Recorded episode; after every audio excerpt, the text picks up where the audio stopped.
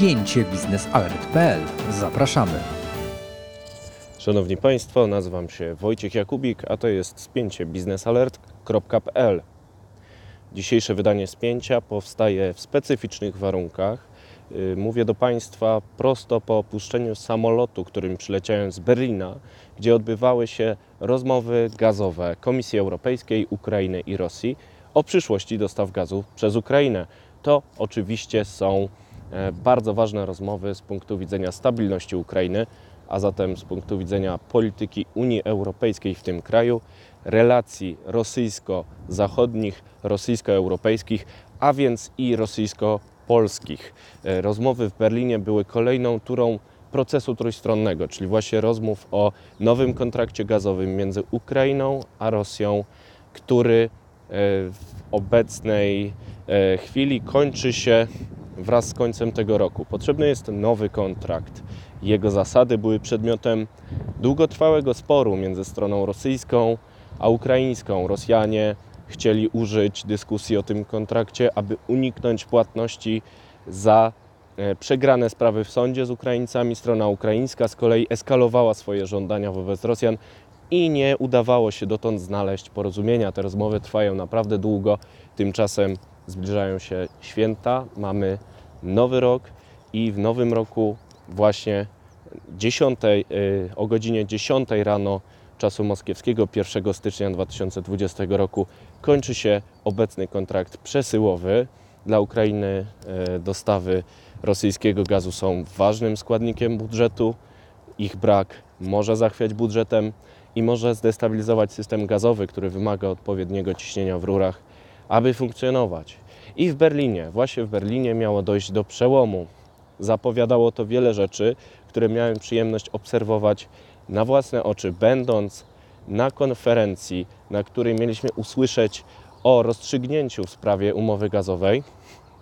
Na początku udałem się pod przedstawicielstwo Komisji Europejskiej, e, w którym to miało się odbyć spotkanie trójstronne, e, podczas którego przedstawiciele Komisji Ukrainy i Rosji mieli ogłosić rozstrzygnięcie, mieli ogłosić to, co uradzili w długich rozmowach. To spotkanie miało się odbyć o 6.30.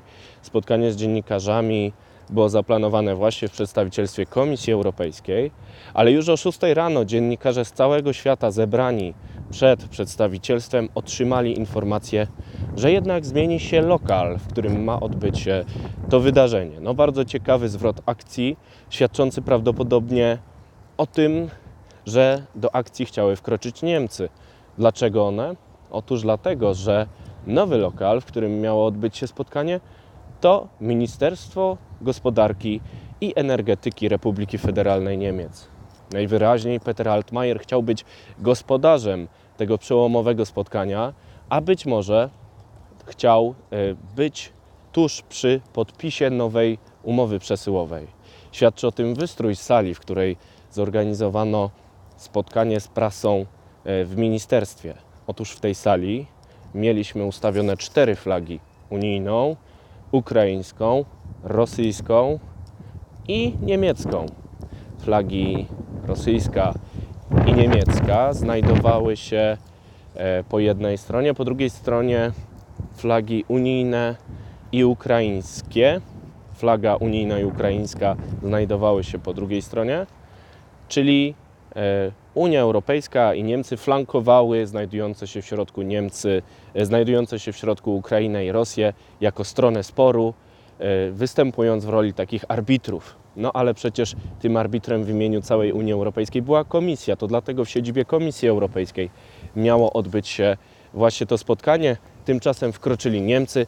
Oni też chcieli pokazać swoją rolę. Oczywiście angażowali się w te rozmowy, próbując wchodzić w buty komisji i w te buty próbował wejść także Peter Altmaier, ale się nie udało.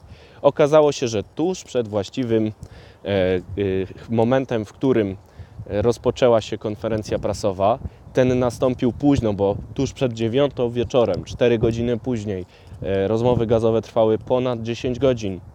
E, Tuż przed tą konferencją e, flaga niemiecka została odsunięta.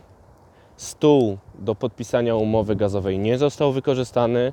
stał sobie z boku, a tymczasem z mównic przemówili przedstawiciele Komisji Europejskiej, Ukrainy i Rosji, którzy poinformowali jedynie o konstruktywnym charakterze rozmów, o tym, że doszło do zgody na temat warunków dostaw przez Ukrainę e, co do zasady, cudzysłowie, tak właśnie mówią o tym uczestnicy spotkań, ale nie ma e, ostatecznej wersji umowy. Jest tylko szkic, który będzie dalej negocjowany w Mińsku przez przedstawicieli rosyjskiego Gazpromu i ukraińskiego Naftogazu.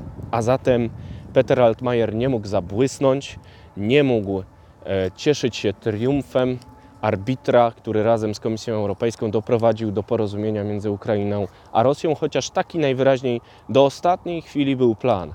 To jednak się nie, nie, nie udało. Okazuje się, że rozmowy będą trwały nadal i nie wiadomo, czy dojdzie do podpisania nowej umowy przesyłowej przed 1 stycznia.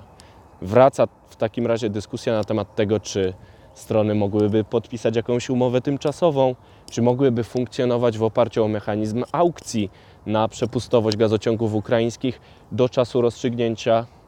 Rosjanie i Ukraińcy, z naciskiem moim zdaniem na Rosjan, nie pozwolą Europejczykom spokojnie spędzić świąt. Będziemy śledzić sytuację wokół rozmów gazowych, będziemy sprawdzać, czy doszło do jakichś postępów. Mogą Państwo mieć pewność, że biznesalert.pl będzie się przyglądał dalszemu rozwojowi wypadków, a tymczasem zadumajmy się w tym okresie świątecznym nad sprawami e, największej wagi, przy których ten berliński niewypał Petera Altmajera wypada naprawdę blado. Są sprawy ważniejsze, ale także te przyziemne, jak bezpieczeństwo dostaw gazu przez Ukrainę, powinny być załatwione i e, w te święta w tym roku życzę Państwu i sobie jak najmniej złych, a jak najwięcej dobrych informacji z sektora gazowego, także z jego części ukraińskiej, wschodniej, żeby naprawdę było bezpiecznie i stabilnie. Tego życzę sobie i Państwu przed świętami w nowym roku. E, Na tym chciałem zakończyć dzisiejsze nietypowe dosyć spięcie biznesalert.pl. Nazywam się Wojciech Jakubik, jestem redaktorem naczelnym naszego portalu i razem z całą naszą wspaniałą redakcją życzę Państwu wesołych świąt, szczęśliwego nowego roku. Do usłyszenia.